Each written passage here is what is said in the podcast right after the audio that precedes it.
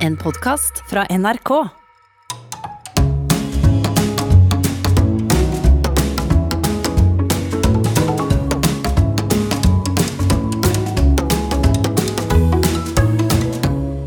Hjertelig velkommen til NRK P2 og Sånn er du med Nils Brenna. Hei.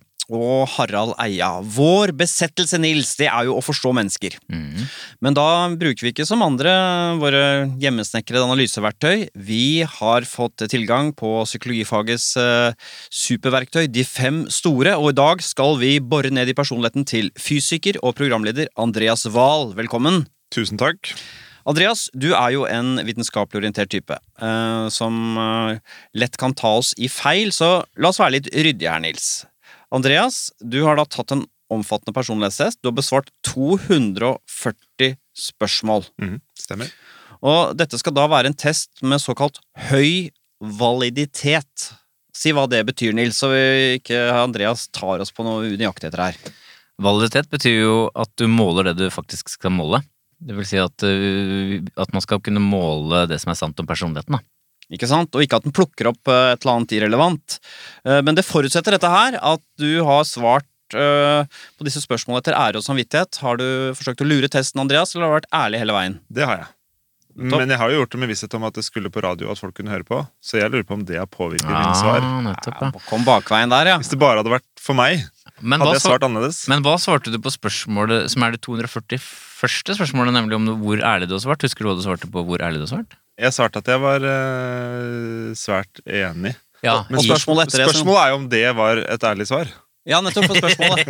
Spørsmålet etter det igjen, så var svart ærlig på det igjen. Men så er det jo også sånn at um, det er ikke alle som har Nesten alle, men ikke alle har god selv, selvinnsikt. Det er riktig, det er en svakhet ved testen.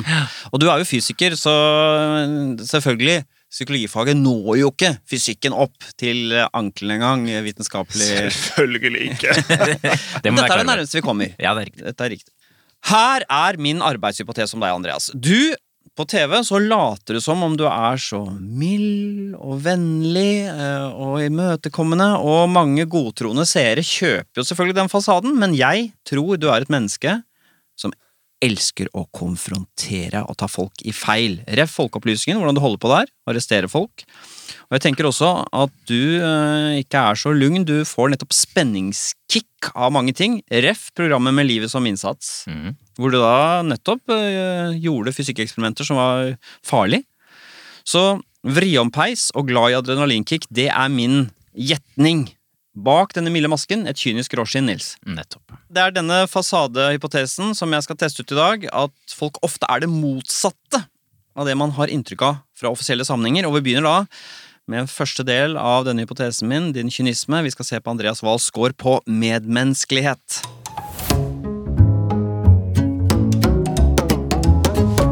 Medmenneskelighet det handler om eh, man møter andre mennesker med åpne armer eller piggene ute. Medgjørlighet er jo et ord jeg har forelsket meg i, Nils. Mm. Ikke sant? Når du møter andre, glir Gå med, Ja, ikke i motstand. eller det, slår det gnister, og da i negativ forstand. Det er friksjon og Mm. rot. Og denne underdimensjonen under medmenneskelighet som fanger dette her, er føyelighet. Når det oppstår en konflikt, når det oppstår en uenighet, trekker du deg tilbake da, for du ønsker at det skal gli, du er miljølig, eller går du inn og ligger i konflikten, du er konfronterende, sånn som du er i Folkeopplysningen? Jeg eh, tror nok at eh, mitt, eh, min vanlige reaksjon er å trekke meg tilbake og, og være medgjørlig. Fordi jeg kjenner så godt at det koster de gangene jeg må være litt konfronterende. Nettopp. Og sånn snakker en som har fått det tallet du har fått. Tallet er, la oss minne om scoren, 50 er gjennomsnitt. Når det nærmer seg 60, så begynner det å bli høyt. Du har fått 66, som er høyere enn det høres ut som. Det er ca. 5% høyeste. Det vil si i La oss kalle et klasserom med ganske få elever, 20 elever, så er du den mest, Mest føyelige. Så det er jo interessant, altså, når man ser på Folkeopplysningen, og så har du da møtt et eller annet menneske, det kan være en statsråd eller en eh, blogger eller ekspert, Ja. Uh, og så har de sagt et eller annet, og nå har du lagt fram masse dokumentasjon på at jeg river riv ruskende gærent. Hva er det som foregår inni hodet ditt da? Jeg har eh, brukt noen eh, dager eller uker på å manne meg opp og resonnere for meg selv. Hvorfor er det riktig å ta opp dette? Det er fordi personen tjener penger på dette, eller har en posisjon som gjør at det er de som skal stå til ansvar for dette, eller Fordi du gjør Sånn. det ugjerne. Du misliker det sterkt. Jeg misliker det eh, veldig. Og da Jeg syns det er må- må- ubehagelig. må på det personlige plan. Jeg syns jo at det er riktig rasjonelt, men, men, men følelsesmessig så syns jeg det er vondt å konfrontere noen. Ja, må, må du da også jobbe litt mer med å overbevise deg selv? Absolutt, jeg, Det er derfor jeg går disse rundene, for å prøve å overbevise meg selv om at dette dette kan ikke folk få slippe helt uh, unna. Men Nei. sånn mellom eh, to mennesker som sitter, sitter der da og skal diskutere det, så syns jeg det, det, synes det, er helt forferdelig. Men det ser ut som du har sånn lite Mona Lisa-smil. At du sitter og godter deg. Ja, Det syns jeg er veldig interessant, fordi, fordi det har jeg opplevd så mange ganger at folk leser eh, egne følelser inn i dette eh, Mona Lisa-smilet du For beskriver. eksempel da. hva da? Det, er det, det interessante er at det er folk fra begge sider som, som tror det samme. Altså, eh, Folk sitter der og ser han, han øh, godter seg og koser seg, sier, tenker den ene, ene siden. Den andre tenker liksom ja, se, nå luder det, nå, dette er litt vondt for han. Altså, folk, får kle seg det de Ja. ønsker inn i det her. Hvordan, men er det sånn, Har du liksom jobba med akkurat det uttrykket, eller? Nei. Er det, hvordan tolker du selv uttrykket? Hvis du ser det uttrykket, hva ser du da? Nei, det syns jeg jo er frustrerende å se på. Altså, jeg er veldig fascinert av folks nullfjes. Altså Ja. det fjeset de har når de ikke eh, gjør noen ting. Ja. Ikke, ikke prøver å uttrykke noe spesielt. Synes jeg er kjempespennende, For det er, så, det er så enorm variasjon. da. Noen ser jo utrolig anstrengt ut når de slapper av og ikke gjør noen ting. Noen ser så utrolig glad ut selv om de sitter og har, bekymrer seg for et eller annet. Og andre ser bare utrolig sinte ut selv om de bare sitter og hører på en meditasjonspodkast på øret sitt. Men er dette ditt nullfjes? Ja, dette er mitt nullfjes. Men og kunne det tenke seg at, det var, at fjeset er sånn øh, øh, det er ikke- det er. Føyelig pluss Ja. øh, motstand delt på to, eller noe sånt. Men Det er ikke helt nullfjes, for jeg, sitter jo, jeg er jo oppmerksom på at vi gjør et TV-opptak, og at det er noen som følger med, og jeg prøver også å hjelpe intervjuobjektet til å fortelle sin beste versjon, så jeg prøver jo å nikke og liksom ja, og, og lytte og trekke ut. Ja. Fortell, fortell denne, fortell din versjon av denne litt saken. Og, Fødselshjelpe, liksom sånn du, Ja. du, Ditt nullfjes er åpen munn og at det renner spytt. Eh, ikke spytt, men åpen munn, definitivt. Ja. Jeg har flere ganger fått tilsendt eh, bilder av meg selv på fly fra tilfeldige folk som bare har gått av flyet og sett at jeg sitter og sover med åpen munn. Er det Som de sendte råttent Har de sendt det til deg? Ja. Du har ikke hemmelig nummer? Nei, sendte det på Instagram Ja, eller Facebook eller noe. Ja. Men eh, er det sånn at Jeg tenker at det er en fordel når du eh, da setter folk på plass eh, med fakta, at du ikke gjør det med en vellyst. Det er iblant man ser sånne konfronterende journalister som nyter det øyeblikket altfor mye. Jeg tror det er det, og så vet jeg også at noen av de som, som eh, syns det har vært litt ubehagelig Ubehaget går ikke mot meg. Veldig mange av dem mener at det står noen bak meg som egentlig er de vanskelige vriompeisene her, og at, at det, det, det, det på en måte jeg er bare en eh, Redskap? En, ja, en redskap. Som er litt sant spillet. Det er litt, uh, litt sant, men det, men det, det, det, det tar jo eh, uh, Ja, det, det Jeg er jo en del av dette. Det er Ja. jeg som ønsker å vite Du er skyldig, du også. Ja, definitivt. Hvordan er det i privatlivet? Ifølge da testen så vil folk som scorer så høyt på føyelighet, eh, ha vanskelig for å vise sinnet sitt eller å sette grenser og stå på sitt. Mm. Stemmer det? Kjenner du deg igjen i det? Ja, litt. Hva sa du med sinne? At det var vanskelig å Det er vanskelig for å vise sinnet ditt, Andreas. Ja, kanskje litt. Jeg, jeg kan bli sint, jeg, altså. Men du viser det ikke ifølge testen. Nei, jeg kan nok på, på barn og, og samboer. Det du er inne på, da, er at det, det, kom, det kommer ikke ut, er det den føyeligheten handler om, ikke sant? Men det som også er tilfellet med deg, du har jo veldig lite sånn agg og grums inni deg. Du har lav på fiendtlighet. Mm. Så du, en ting er at du ikke er så kranglete, men du har ikke så veldig mye lyst til å krangle heller. For det fins jo folk som har agg inni seg som ikke eh, tør å få det ut. Ja. Men du har ingen av delene, liksom. Jeg tror ikke det. Jeg kan ikke komme på ett menneske jeg hater, for eksempel. Nei, ikke sant? Det er jo Nei, du, har ikke noe på, du har ikke noe på hatlista di? Nei. Så deilig å ha noe å hate. Det, det Ja, jeg ikke. nesten savner det. Eller, eller jeg, jeg kjenner jo på andres energi at det, er noe, at det kan være deilig å ha noen å hate. Det er jo en, det er jo en del som hater Folkeopplysningen, så, og kanskje de føler på en slags fellesskap i det. Jeg vet jo, jeg har fått rapport fra en sånn alternativmesse der, der når de kom inn i salen på første dag, så var det sånn stort bilde av meg, og så sto det liksom 'hovedfiende'. Det. det var etter, at, Er det etter, sant? ja, etter Folkeopplysningens første, første sesong om alternative Hvor sinna ble du da? Null. ja. Dette syns jeg var utrolig fascinerende og gøy, ja. gøy Men- fun fact men, å eh, ta med videre til gjengen. En side ved det å være medgjørlig er at man stoler på andre. Tillit. Dette er et eh, personlighetstrekk ved siden av å være noe som skiller land fra hverandre også. Og noen mennesker de har jo lite av dette her. Da. De er ofte skeptiske til andres motiver. eh, Tenker at eh, noen kanskje er ute etter å lure dem. Mens andre er mer godtroende, scorer høyt på tillit. Tenker at andre er ærlige og har gode hensikter. Er du en sånn tillitsfull type, eller er du en skeptiker? Eh, Jeg er jo, Folkeopplysningen er jo gått inn i skeptikerland, ikke sant? I det mm, Men nå snakker vi ikke om hypotesen, Nei, mennesker. men det. mennesker. Og da tror jeg at jeg er veldig tillitsfull. Kanskje i overkant eh, tillitsfull. At jeg, at jeg tenker at eh, ja, det beste om folk, at stole på folk.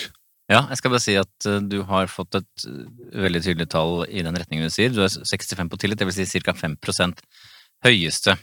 Er det sånn at når du har så høy tillitsscore at du også kan ha blitt uh, lurt? Eh, burde du vært mer skeptisk?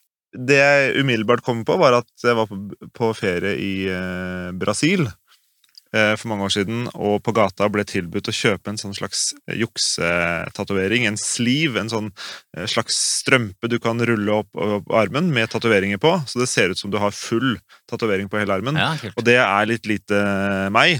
Ja. Og ha tatoveringer, ja. Ja, i hvert fall så voldsomt vil jeg jo tro at noen blir litt overraska. Ja. Og får veldig glatt og ubesudlet hud. veldig ubesudlet hud.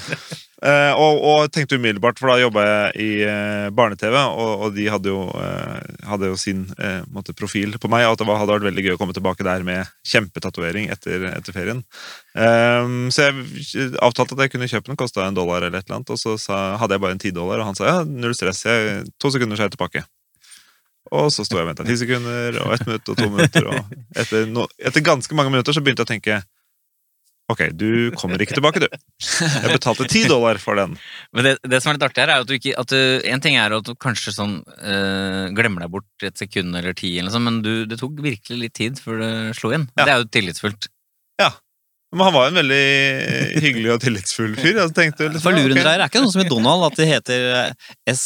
Leipingen og går med sånn maske og sånn. De er ofte veldig hyggelige folk. Ja. I det feltet folkeopplysning opererer, så er, møter du ofte folk som tror på litt aparte teorier.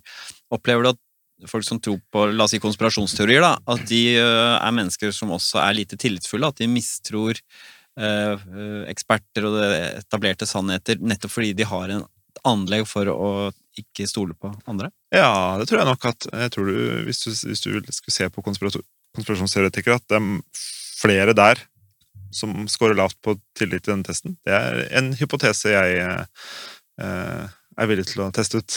Jeg, jeg hiver meg på det. Jeg tror Ja. det er helt riktig. Tror ikke du også? Jeg tror nok de kan ha tillit til de de kjenner, de de har nære, men, men utgangspunktet er liksom ja, ok, du sier det. Mm, Ja. Ikke helt overbevist. Ja, politikerne sier så, men kan det ja. Dette mennesket, Andreas Wahl, jeg eh, antok da at han var en eh, luring. At han er en ganske eh, kynisk og, utspekulert type Nils, som har en fasade som er mild og menneskevennlig, men hva sier testen vår? Testen vår sier at han scorer ganske høyt på medmenneskelighet, altså det motsatte av kynisk, da, mer en medgjørlig type.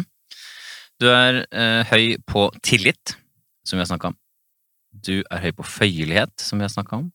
Og så er du høy på altruisme. Det er egentlig en slags sånn anvendt empati, hvis man kan si det. Altså hjelpsomhet. Ja. Altså en som stiller opp for folk. Kan det bekreftes? Eh, Jeg håper det. Jeg er vel ikke den som ringer, ringer du? Jeg vet at dere skal flytte til uka. Tilbyr deg hjelp? Nei, det tror jeg så, så alt, Jeg, jeg har vært litt eh, Jeg har gitt eh, både gitt penger og, og engasjert og startet litt innsamling for noe som heter Effektiv altruisme. Som Som er en gjeng som, som vil gi bort en del av- eh, inntekten sin, og som vil at pengene skal eh, gis effektivt videre. At ikke så mye forsvinner i organisasjonen. Nå heter det Gi effektivt. Det høres ut som noe som man kan hive seg på fordi det er så effektivt, men eh, vokser det noe særlig, eller? Jeg tror det vokser i, i Norge. At, eh, at det, er mange med meg som har starta innsamlinger nettopp til disse prosjektene fordi de kan dokumentere at eh, så mye kommer fram, og at det også er målbart. Den Ja. målbarheten som en del av de andre eh, organisasjonene ikke har på samme, på samme vis. Ja. Altså, vi, Altså, vi, kan, vi kan se at, at, de, at Røde Kors hjelper til, og de er sikkert effektive, men, men eh, de som i-effektivt går for, er, er prosjekter der du, det er veldig lett å måle hvor Ja. mye av pengene som faktisk kommer fram. Eksempel på det mest effektive du kan gjøre sånn malarianett, er det ikke det? For eksempel. Ja. Eller, eller sånn eh, mm, du nå, sånn at du tilsetter bare litt mm, næringsstoffer i det de allerede spiser. Altså eh, maismel eller korn eller et eller annet. Ja. skal det ikke så mye til av, av viktige næringsstoffer som kan eh, gjøre at de ikke får mangelsykdommer. Det koster så, koster så ufattelig lite i de store møllene Og bare tilsette litt av det her, og så vil De store møllene, altså der hvor de lager der disse tingene. der, der hvor de lager dette kornet, for eksempel, og, og, og så sendes ut i svære sekker og sånn. Eh, og det er det folk til slutt ender opp med å spise, fordi det er kjempe, kjempebillig. Og bare tilsette litt av, det, Ja. av de viktigste vitaminene og mineralene som de ikke får i seg ellers, kan hjelpe liksom, tusenvis og hundretusenvis av mennesker med ganske få kroner. Da. Men gir du penger, gir du penger til veldedige formål, for eksempel? Ja. Det gjør du.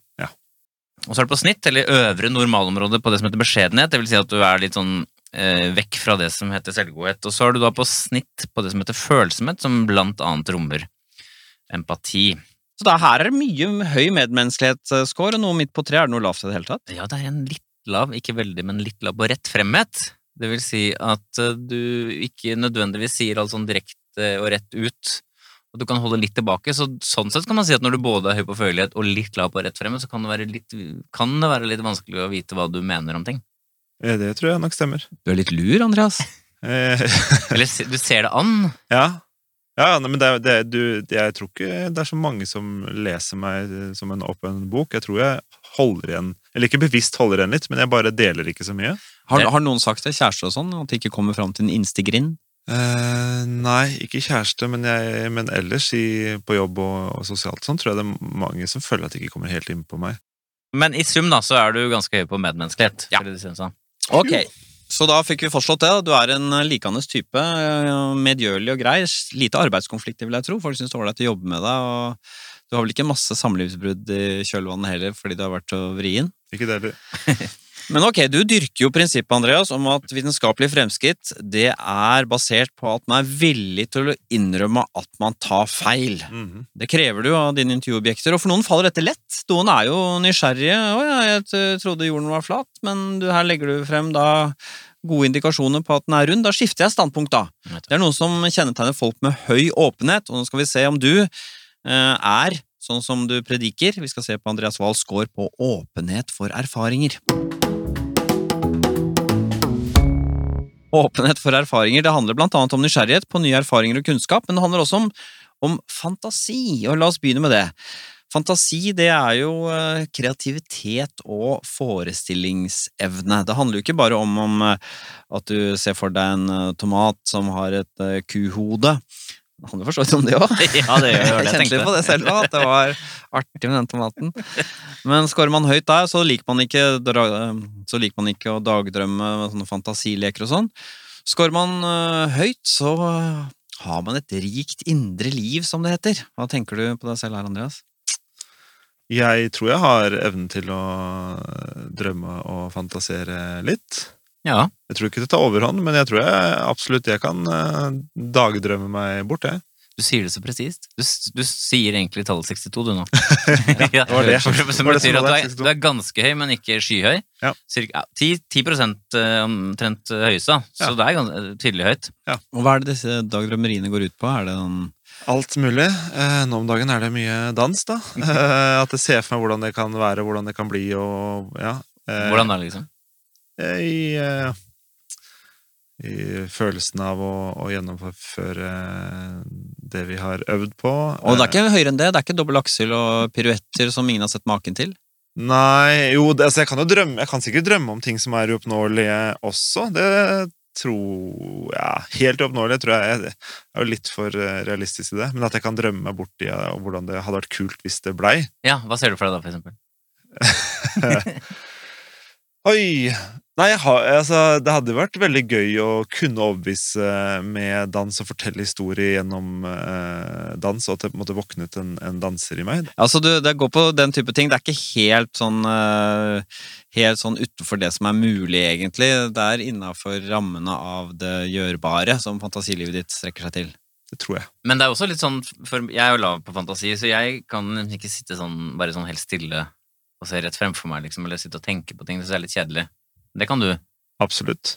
Men du, du, Jeg kan absolutt sitte sånn og, og, og stirre ut av eh, vinduet. Jeg elsker jo å ta kollektivtransport, eh, for eksempel. Og på toget? toget. Ja, sitte og Og sitter, kan du, er du en av dem som kan sitte og bare se rett fremfor deg, og så tenker du, eller Jeg gjør det altfor sjelden, Ja. for jeg har, eh, går rundt med en skjerm i lomma som lett stjeler oppmerksomheten min. Ja. Eller jeg har noe jeg burde ha gjort eh, i forrige uke, som jeg eh, da må haste meg til å gjøre. Men, men jeg skulle ønske jeg gjorde det mer. Ja, for du har anlegg for det. Absolutt. Du er jo ikke bare høy på fantasi, men du er også høy på det som heter åpenhet for ideer. Du er altså da høy teoretisk nysgjerrighet. Kan ikke du si litt uh, forholdet mellom de to? Altså For å gjøre god vitenskap og god forskning, så må du jo ha litt fantasi i å utforme en hypotese. Og deretter må du ha denne andre kompetansen for å teste denne hypotesen Nettopp. opp mot virkeligheten. Ja. At, det, at det er en kombinasjon av nysgjerrighet og åpenhet og lekenhet med det litt mer rigide, grundige, Nettopp. systembaserte. Kunne man tenke seg at man kan liksom forene de to, altså teoretisk nysgjerrighet med, hva skal vi si, fantasi, da? Jeg mener at det, er, at det er når man forener de at det skjer Det er i hvert fall veldig mye gøy der. Veldig Ja. mye av det jeg syns er gøy og spennende og vakkert, og sånn, skjer i overlappen mellom, mellom mer teoretisk kunnskap og vitenskap og eh, fantasi og kunst og sånne ting. Ja. Jeg har jo selv eh, tatt eh, elektrisitet og, og, og strøm. Eh, og gnister og utladninger, og prøvd å gjøre det til, til underholdning, da, eller scenekunst, hvis man vil dra det litt, litt langt. Ja, og, og, og, og produsert en, en turné eh, som heter Elektrisk, hvor, eh, hvor du prøver å kombinere en fortelling om eh, Nikola Tesla, da, som jo var en, en, en passe sprø og fantasirik fyr, men også en veldig grundig og, og teoretisk eh, fyr. Han er en film som, som vi kan takke så utrolig mye for. rundt Altså, eh, de stygge neonlysene på baren er takket være han-. Fjernkontrollen du stepper Mm. TV-en med, eller radaren som tar deg i fartskontroll, eller til og med eh, eh, vekselstrømmen som gjør denne radiosendingen, dette opptaket, mulig. Alt, og, og veldig mye mer kan vi takke Nikola Tesla for, men samtidig var han en fyr som, som skrev dikt til dua, som kom i vinduskarmen hver dag og forelsket seg i den dua, og han var jo ko-ko også. Ja. Eh, så det er interessant når, når det er fantasi Han hadde helt klart en, en, en kunstnerisk og, og, eh, og fantasiside. Ja, er det noe du, men i ditt show så er det liksom, er du litt, føler du at du er litt sånn preget av liksom, fantasidelen i de showene, eller? Ja, i hvert fall når du spurte om jeg kan drømme bort. Så jeg, ja. I forkant av det så drømte jeg bort hvordan denne, denne turneen skulle bli. Ja. For jeg bestemte meg først at jeg hadde lyst til å gjøre noe litt sånn tematikk, og deretter begynte å jobbe med den og, og teste ut og, og morfe det inn i det det ble til slutt. Eh, så da har jeg definitivt en bortdrømmingsgreie. Jeg kan sitte og drømme om hvordan Nå har jeg lyst til å lage en, en reise på en ny turné én gang, Ja. og da allerede nå kan jeg sitte i timevis og, ja, ja, og drømme bort om hvordan det, hvordan det kan være. Høy fantasi. Vi har også nevnt at det er eh, høy på åpenhet for ideer, men eh, åpenhet for erfaringer rommer jo mer enn dette, Nils. Er Andreas Wahl en åpen type, som han predikerer? Han er ganske åpen, tallet 58, det vil si at du er ca. på sånn nærmer seg 20% mest åpne, det vil si i en gruppe på fem personer, så er du den som er mest åpen. i Ja. Men i en klasseromsetting så er jeg en av en hel gjeng som sitter bak hjørnet En liten gjeng, vil jeg si. En liten gjeng. Hvis jeg tar eh, enkeltresultatene, du er på snitt på det som heter estetikk, vil si kunst og kultur i ulike varianter. Du er på snitt på følelser, vil si at du er gjennomsnittlig emosjonell og opptatt av følelser. Du er høy på fantasi, som jeg snakket om, og så er du høy på ideer, som vi har snakket om. Da, Denne hy- fasadehypotesen min har fått seg noen smeller eh, så langt, men eh, den Jeg vil utvide den litt, fordi jeg tenker også eh, ikke sant, Rolige, behagelige Andreas Wahl. Ja vel, han kan virke sånn, men bak alt dette her så er dirrer det av eh, nerver. Vi skal eh, teste og undersøke om Andreas Wahl er en nevrotiker. Nevrotisisme det er jo negative følelser. det. Hvor mye disse negative følelsene preger deg, hvor lenge sitter de i? Og vi begynner med den underdimensjonen som heter sårbarhet overfor stress. Når det oppstår noe, en vanskelig situasjon, er det sånn da at man uh, mister hodet litt? Man får litt sånn panikk, da scorer man høyt. da Er man sårbar for stress? Scorer man lavt, så er man mer robust uh, i møte med vanskelige situasjoner. Hvordan tenker du, Andreas? Er du, blir du fort stressa? Jeg er veldig spent på den her, altså. For jeg, kan, jeg, jeg føler at jeg eh, ikke er i midten, men at jeg er både oppe og nede. La oss si du kjører bil, og du, du kommer til et sted, du er som førstemann som kommer. Det er en stygg situasjon. To biler har krasjet, det er noe blod, folk ligger halvveis ut av Hvordan reagerer du da? Oh, jeg kan eh, Jeg tror at jeg skal Det er der jeg føler at jeg kan gå litt begge veier. Jeg, Men- tror, jeg tror at jeg burde klare å gjøre det jeg har lært en eller annen gang, og prøve å huske det. Så tror jeg jo definitivt at blodpumpa kommer til å slå ganske hardt og kjapt. Uh, sønnen min falt ned fra en, en eh, barkrakken velta, for han er mye på bar, uh, og landa rett i en glassplate som knuste, og, han, og munnen hans ble en halvannen centimeter lengre og i munnviken. Oh, the joker! Ja. Uh, og da blei jeg nok eh, Jeg har fått høre etterpå at jeg var stressa, men jeg følte selv at jeg hadde en veldig ro. At jeg, eh, tok med han, gikk et sted hvor vi kunne tørke blod for å se på skaden, og umiddelbart ringte riktig nummer og, liksom, og holdt, følte at jeg holdt meg rolig gjennom fortalte hvem jeg var, hva det gjelder, og hvordan det så ut, og fulgte instruksjoner fra, fra nødetatene. Så jeg følte at jeg holdt meg rolig, mens min eh, kjære som også var der, mente at jeg nok var litt stressa. Ja, men du følte deg ikke så stressa? Nei, jeg følte at jeg, jeg, jeg var nok litt sånn å nei, å nei, men samtidig, dette må vi Nå er hodet kaldt. Gjør de riktige tingene. Det skal sies at Jeg har snakka litt med redaksjonen som jobber sammen med deg. De har, de har sagt at du er imponerende ustressa. For i sånne settinger ikke sant, Nå har jeg blitt vant til TV-produksjon, jeg har blitt vant til sceneting. Ja. å på scene, Så der kan jeg nok et, eh, bli, gå utpå helt uten plan og fortsatt ha en merkelig ro. da, Ja. Hvor veldig mange vil føle på et stress. Ja. Altså Hvis noen sa nå at veggen bak meg her i studio åpner seg, og så sitter det tusen stykker og forventer noe fra meg, det skulle jeg løst på et eller annet vis. Så nettopp. den type ro Ikke sant? Du mister det ikke da. Selv om jeg er helt uforberedt. Så, og det, den roen er på godt og vondt. Eh, fordi jeg da kanskje ikke alltid er så godt forberedt som jeg burde være. Fordi jeg har alltid en ro på at på et eller annet vis Ja. så, så kan det Så løser det seg. Scoren din er 41, som er tydelig lavt. Ja. Vi nærmer oss 15% laveste. Så jeg er lite eh, Ja, men det er jo, du er jo ikke super, super lav heller. Nei, nei, men, du jeg er er tydelig lav. Ok. Så det, jo, det betyr jo antageligvis at du står ganske sånn støtt i en del situasjoner hvor kanskje andre ville ha blitt litt mer stressa. da. Ja, Har du opplevd det, eller at noen har blitt mer stressa enn deg? Ja, absolutt. Ja, har det. har vel alle Jeg kommer ikke på noen gode Men jeg, jeg har jo ofte, har alltid vært en rolig Helt fra barnsben av hatt en eller annen sånn merkelig Jeg vet ikke hvor den kommer fra, men en eller annen trygghet. Ja, sånn, da du spilte inn med livet som innsats, eh, så er du da selvfølgelig i eh, livsfarlige situasjoner, ja. I hvert fall for oss TV-seerne så fremstår det sånn. Skal vi si noen eksempler, eller? Ja, du skal bli skutt eh, under vann. Jeg har, blitt, har skutt på meg selv under vann. Dratt i avtrekkeren selv. Jeg, Ja, for du måtte dra i avtrekkeren selv. Ja, litt sånn juridiske grunner. I tilfelle det skulle gå galt, så måtte, ville vi ikke gjøre drapsmann eller kvinne av noen. Eh, og så har jeg eh, vært lynavleder for et eh, lyn på en million eh, volt. Jeg har hengt opp et sånn wrecking ball, en sånn knusekule i taket. Eh, trukket den opp eh, til fjeset mitt mens jeg sto inntil en vegg, og så sluppet kula så den pendler 20 meter gjennom rommet, og så kommer ett tonn med stål tilbake mot fjeset mitt, som jeg har er trøkket opp mot en murvegg og stopper akkurat eh, centimeter fra nesa mi eller et eller annet. Hva kjenner du før du skal gjøre det? Da kjenner jeg nok på et stress, eller på en frykt. Ja. Og det jeg lærte veldig gjennom den serien, var jo at, at frykt og risiko ikke henger sammen. Vi Ja. kan være redde for ting som er helt Altså folk er redde for mus som ikke kan skade dem, eksempel. Eh, det, det har ikke jeg kjent på så mye før, men for meg var det her sånn Dette Fysikeren i meg vet at dette her bør gå bra, med mindre det er noe ukjent. da, ikke sant? Materialene kan jo svikte, det er andre ting som Men hvis, hvis det fungerer sånn som jeg har rigget det, så skal det være eh, null stress. Ja. Men inni meg så kan jeg likevel kjenne på en helt sånn voldsom stressfølelse. Eh, ikke sant? Tørr i munnen, blir kvalm, er kjemperedd, eh, dårlig i magen. Alt det som følger med stress. Og det å kjenne på at den, det store gapet da, mellom at eh, rasjon, den rasjonelle delen av hodet mitt bare Dette går fint. Og den irrasjonelle tenker ja. det, var, det var fascinerende. Når, hva var det verste? Eller hva var det liksom Ja, det verste.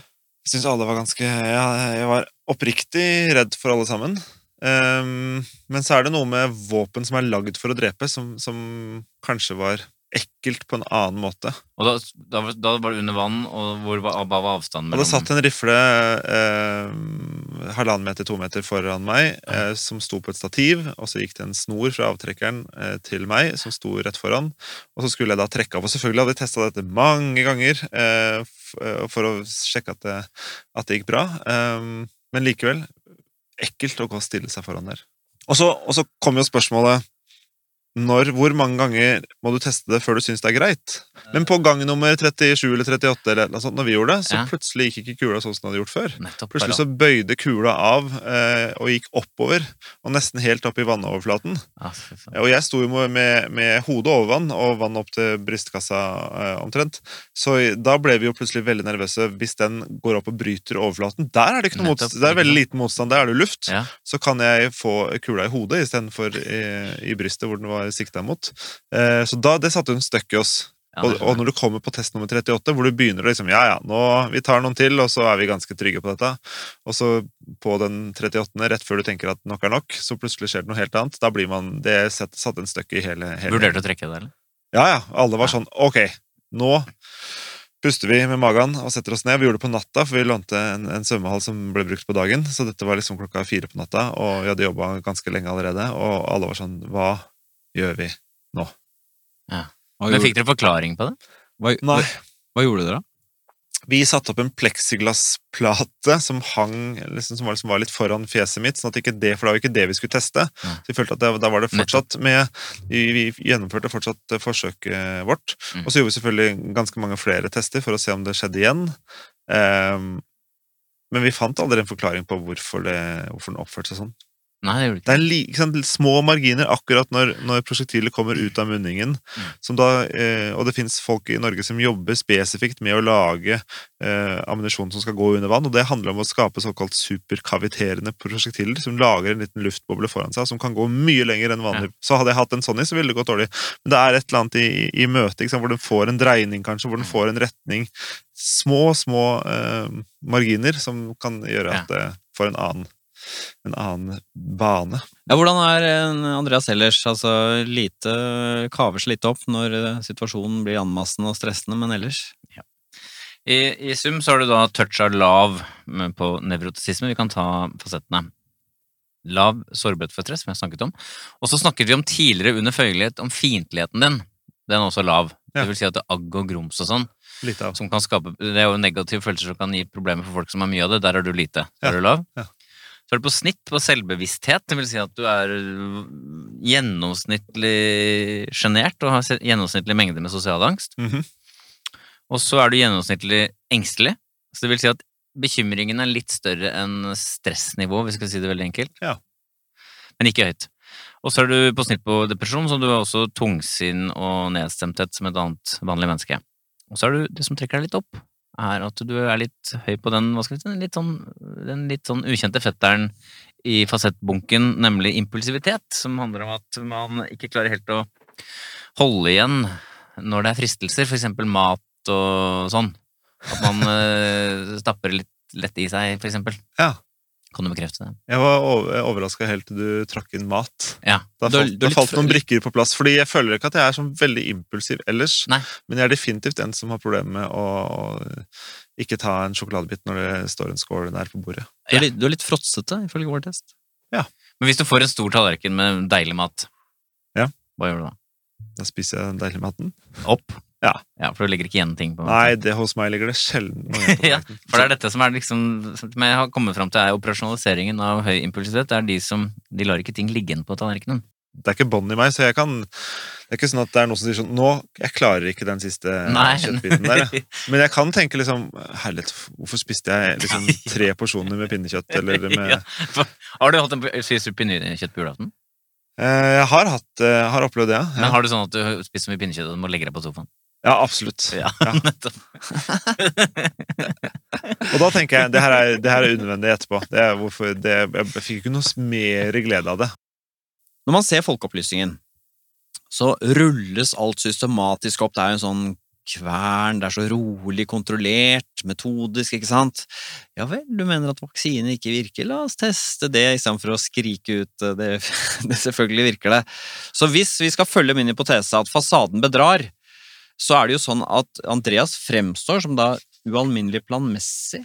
metodisk, men da i virkeligheten er han en rotekopp. Han begynner å bli ganske tynn, den uh, arbeidshypotesen min, men jeg holder nå fast på den. Så la oss se hvordan eh, Andreas ligger an. Er han en planmessig type eller ei?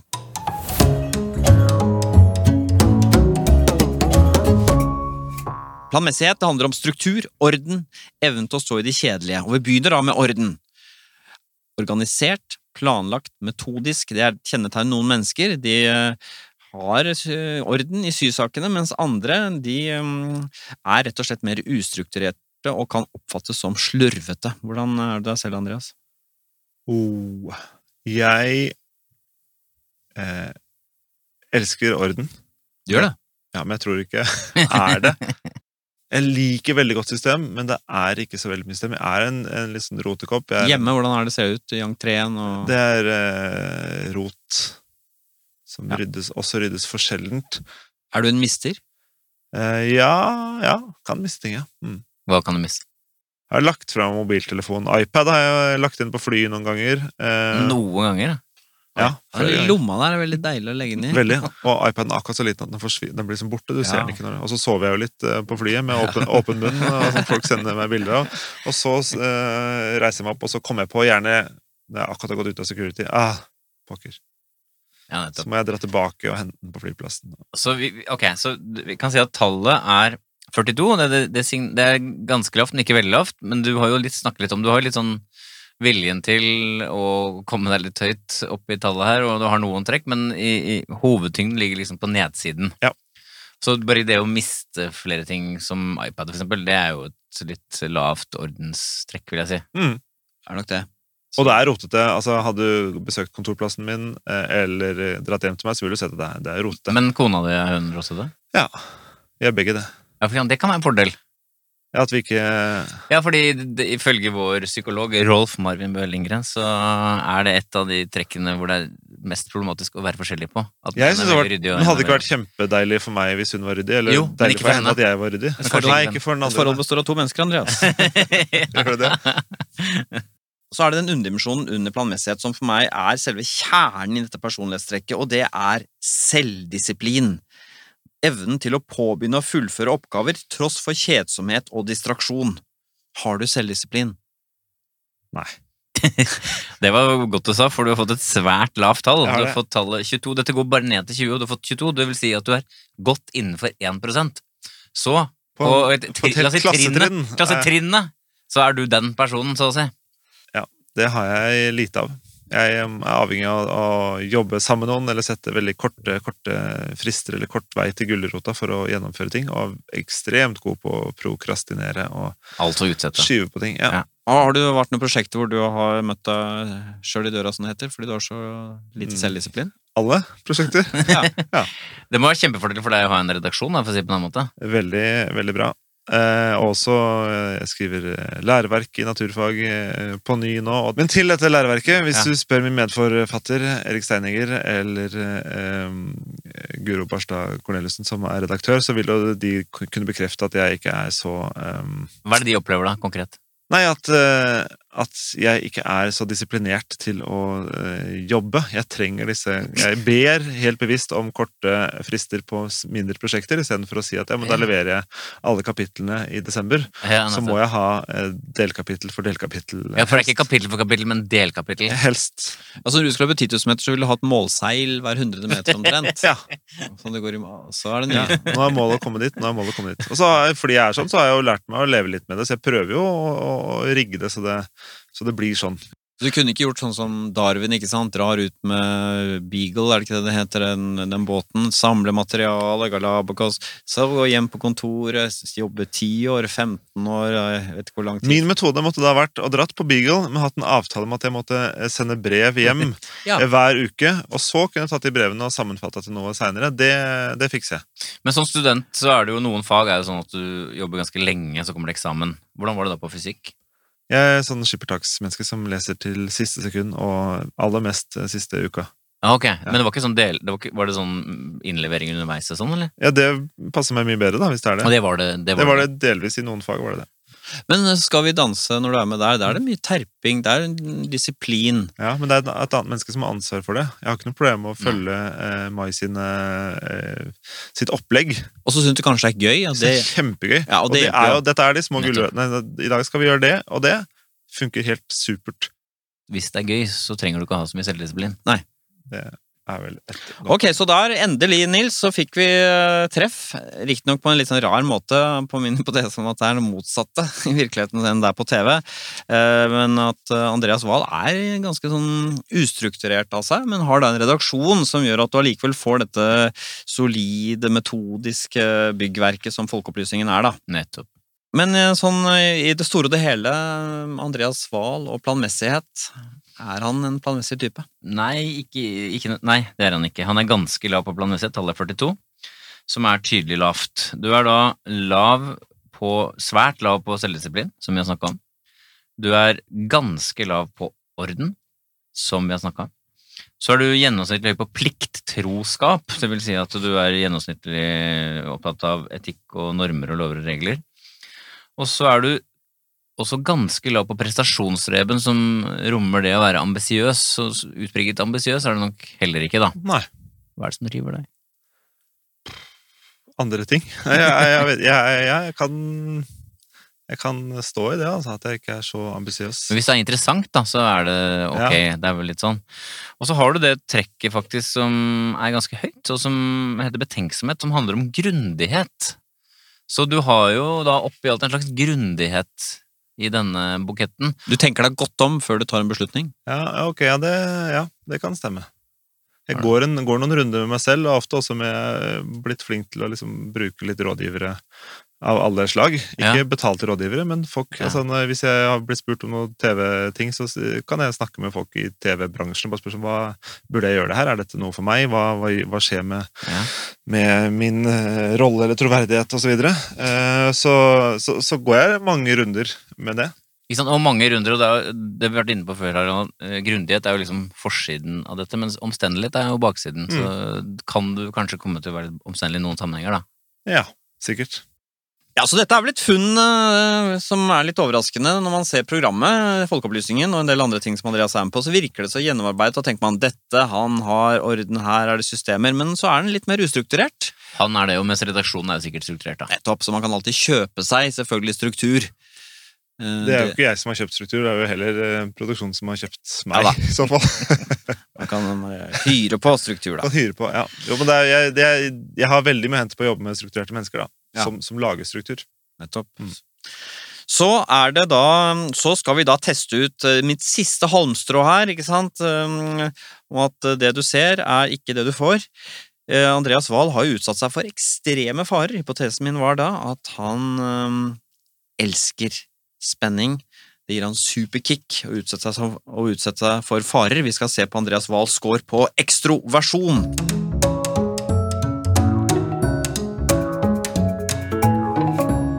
Ekstroversjon handler om eh, spenningssøking, men det handler generelt om hvor mye kick man får av den ytre verden. Og vi starter da med underdimensjonen sosiabilitet, i hvilken grad man søker og foretrekker andres selskap fremfor å være for seg selv.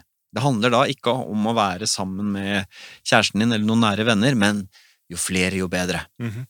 Er du en sånn eh, sosial type, eller er du ikke det? Jeg har ikke noe veldig behov for å være sammen med mange mennesker, nei. Hva, kan du være litt mer eh, tydelig Nei, på det? Ikke, spes ikke jeg, jeg, eh, I valget mellom en eh, stor fest med litt sånn perifere bekjente eh, og en liten samling med folk jeg kjenner godt, Ja.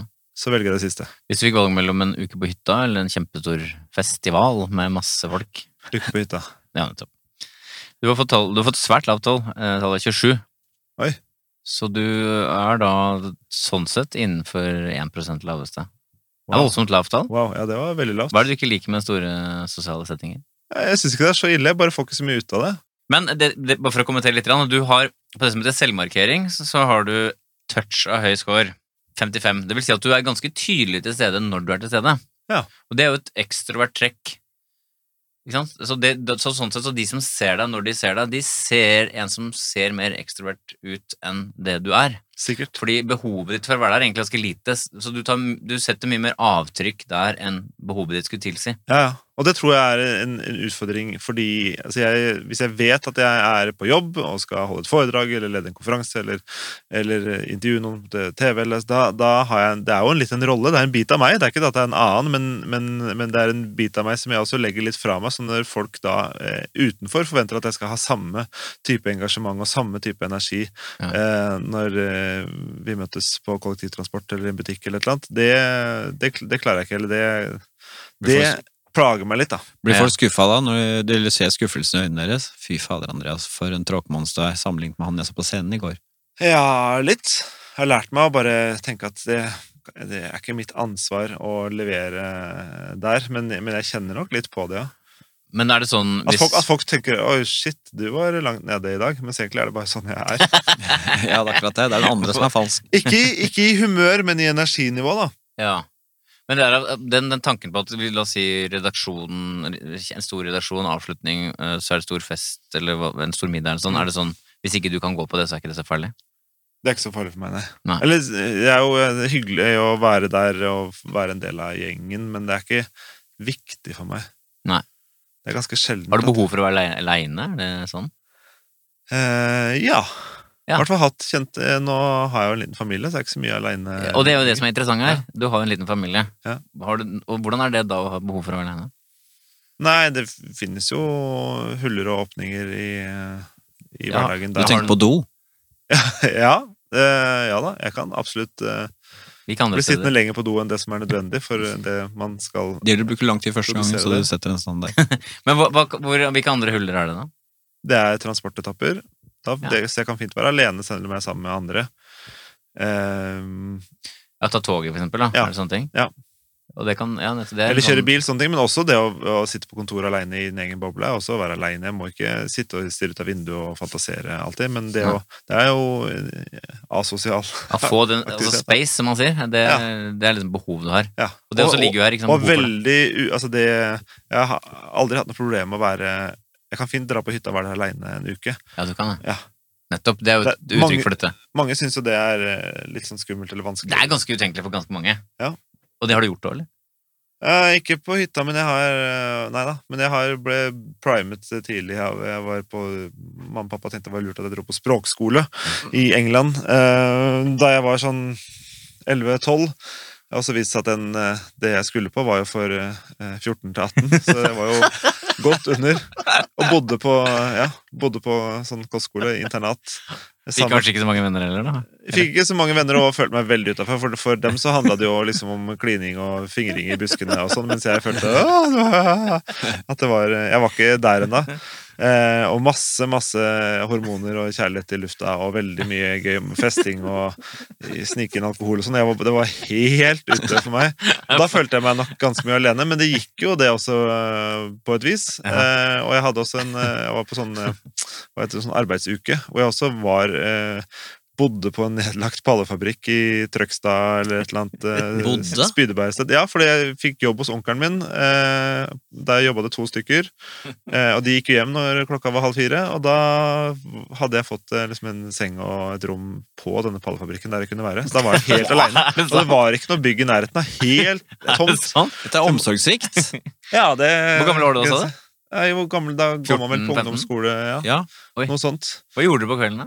Nei, det måtte jo prøve å få tid til det. var I det pauserommet så var det en sånn veldig svak gulna NRK som jeg fikk inn på TV-en, så jeg kunne kanskje få meg litt sånn skurrete NRK. Stakkar deg, da. For en scene. Men det, det på ble, liksom, ble kanskje litt herda av sånne type opplevelser, da. Ja, eller kunne gå like gjerne omvendt, vet du, Ja. Nils. Vi er jo opptatt av det. Kan slå begge veier. Du kunne like gjerne blitt eh, skadet i den forstand Ja. at du aldri mer kunne være Du hadde anlegg for å kunne stå i det. Sikkert. Dette her er rystende. Det er dette du skriver i boka di om fysikk. Hvordan ble du interessert i fysikk? Jeg var alene med pallene og dyttet på dem og så hvordan de oppførte seg. I TV-serien Med livet som innsats på NRK så var dette en del av beskrivelsen. Andreas Wahl tester fysiske lover i halsbrekkende eksperimenter med livet som innsats. Dette her, Nils, det lukter av et spenningssøkende menneske. Spenningssøking er da en underdimensjon under ekstraversjon. Det handler om eh, om man eh, tiltrekkes av eh, risikofylte aktiviteter eller ikke. Hva tenker du, er du en spenningssøkende type? På ingen måte. Så det programmet gir eh, feil inntrykk. Det var ikke sånn at jeg eh, Jeg var ikke in it for the eh, Hva heter det? Adrenalinkick? Adrenalin Nei. Nei, fordi det var egentlig bare nedside, da. Sånn sett. Ja. Eller adrenalinkicket var ikke det jeg var der eh, for, men, men eh, tanken var at hvis jeg først skal vise at jeg stoler på altså noen, noen ting i vitenskapen vet vi så godt at jeg er villig til å, å legge livet mitt i skåla Ja. for å vise at dette, dette Tyngdekraften finnes, for eksempel. Den, den Nettopp. kan jeg teste med livet som innsats. Så en, viten, en sånn vitenskapsambassadør, sånn sett. Eh, ikke en som Men du, man kunne tenke seg at bonusen var at du fikk et sånn spenningskick. Ja. Men overhodet ikke, da. Nei. Fordi tallet her er 34 meget lavt. Så etterpå var det ikke sånn at du sa «Hoho», det var mer sånn Hypotesen er bekreftet, det visste jeg fra før av. Nei, jeg, jeg ble jo fylt med adrenalin, men jeg jakter ikke på det. Nei. Men ble det, ble det, ble, spilte du liksom ut en slags sånn spenningssøkingsgreie etterpå? At du var sånn glad og begeistra sånn? Ikke spilte ikke uten, jeg var jo helt full av adrenalin etterpå. Da blir man jo helt Men det var frykt? Det ble? Snakka usammenhengende og, Ja. og, var, og sleit med å sove etterpå. Ja, du gjorde det, ja. Ja, ja. Det gjør jeg nå, det gjør jeg nå med Skal vi danse. Altså, det, er, det er, bygger seg opp så mye adrenalin at det å gå og legge seg da eh, halvannen time etterpå det, Ja, det skjønner jeg. Ja, så det her har vi altså noen ganske lave scorer på ekstroversjon, eh, Nils, på Andreas Wahl. Har vi med en introvert å gjøre her, da? Ja, det har vi, kan vi si. Tallet er 39. Tydelig ikke ekstrovert. Altså, da kan vi vel si at du er introvert, da. Hæ. Er du overraska? litt. Da er det. Jeg vet at det er litt begge deler, men jeg trodde ikke at jeg var så tydelig introvert. Nei, det er jo- ambivert, du, men det er du ikke. Det er jo en, innenfor 15 eh, laveste, Ja, jeg skjønner. så da i en gruppe på I en finanskomité så er du I en skoleklasse så er det tre stykker som eh, Ja. Mm. Tre-fire stykker. Ja. Eh, vi, kan, vi kan gå gjennom. Du er snitt på ekstrovert varme, så da vi snakket i stad om sosiabiliteten, altså behovet for mange og sånn, så er ikke det det samme som at du ikke liker folk, men i små forsamlinger der er du som en, har du vanlige behov. Det vil si at du lik, kan like ganske godt å være sammen med venner, for å si det enkelt. Og så er du touch og høy på selvmarkering, så du er ganske tydelig til stede når du først er til stede. Altså kan noen misforstå og tro at du er mer ekstrovert enn du er. Ja. Så er du også på snitt på aktivitet, det vil si energi, egentlig. Og så er du lav på sosialitet, som vi har snakka om, og spenningssøking, som vi har snakka om. Og så er du litt lav på positive følelser. Begeistring. Ja. Ja, Blir du ikke glad for ting? Blir du ikke kjempeglad? Nei. jo, jeg, kan- jo, jeg blir glad, men, men, eh, men jeg er nok litt sånn, eh, litt sånn flat og jevn, ja. Du har ikke hendene over hodet og jubler? Nei. For eksempel når du vinner pris eh, med Folkeopplysningen. Ja. Hvordan føles det?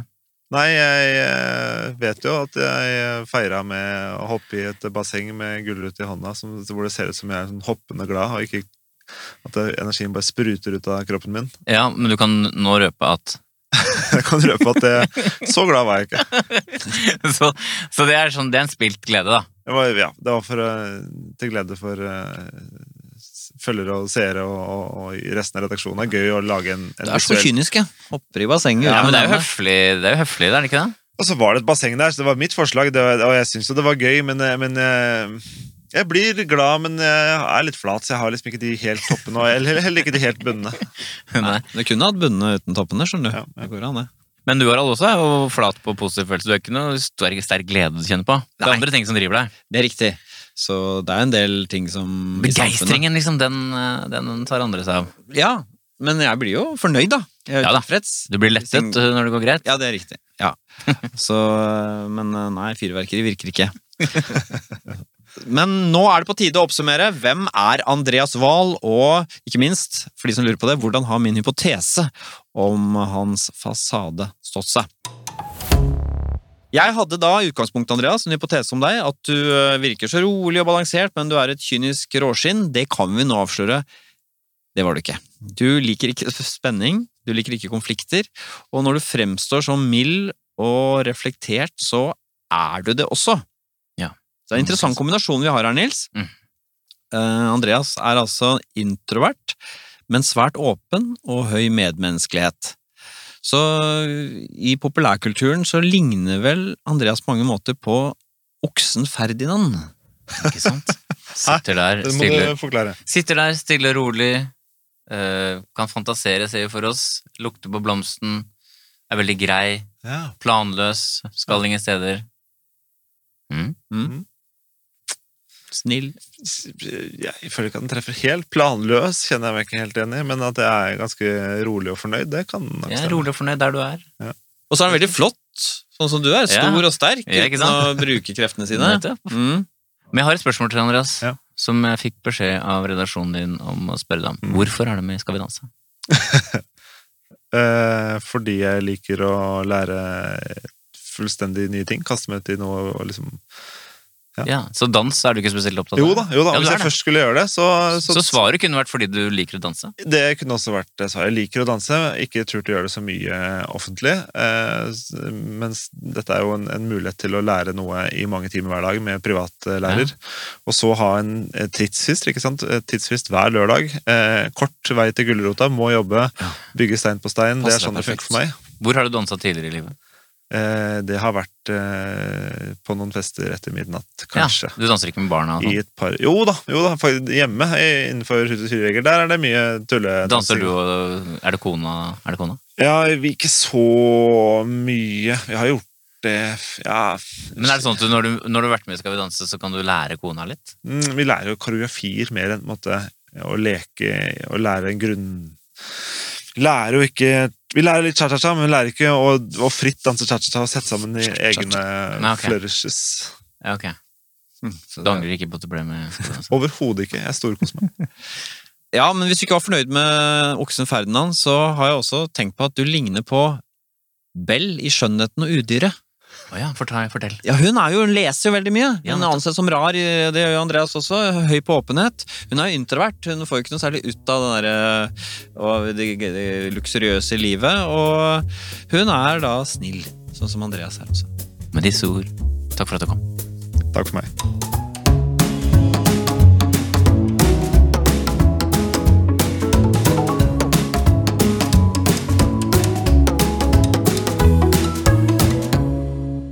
Du har hørt en podkast fra NRK. Hør flere podkaster og din NRK-kanal i appen NRK Radio.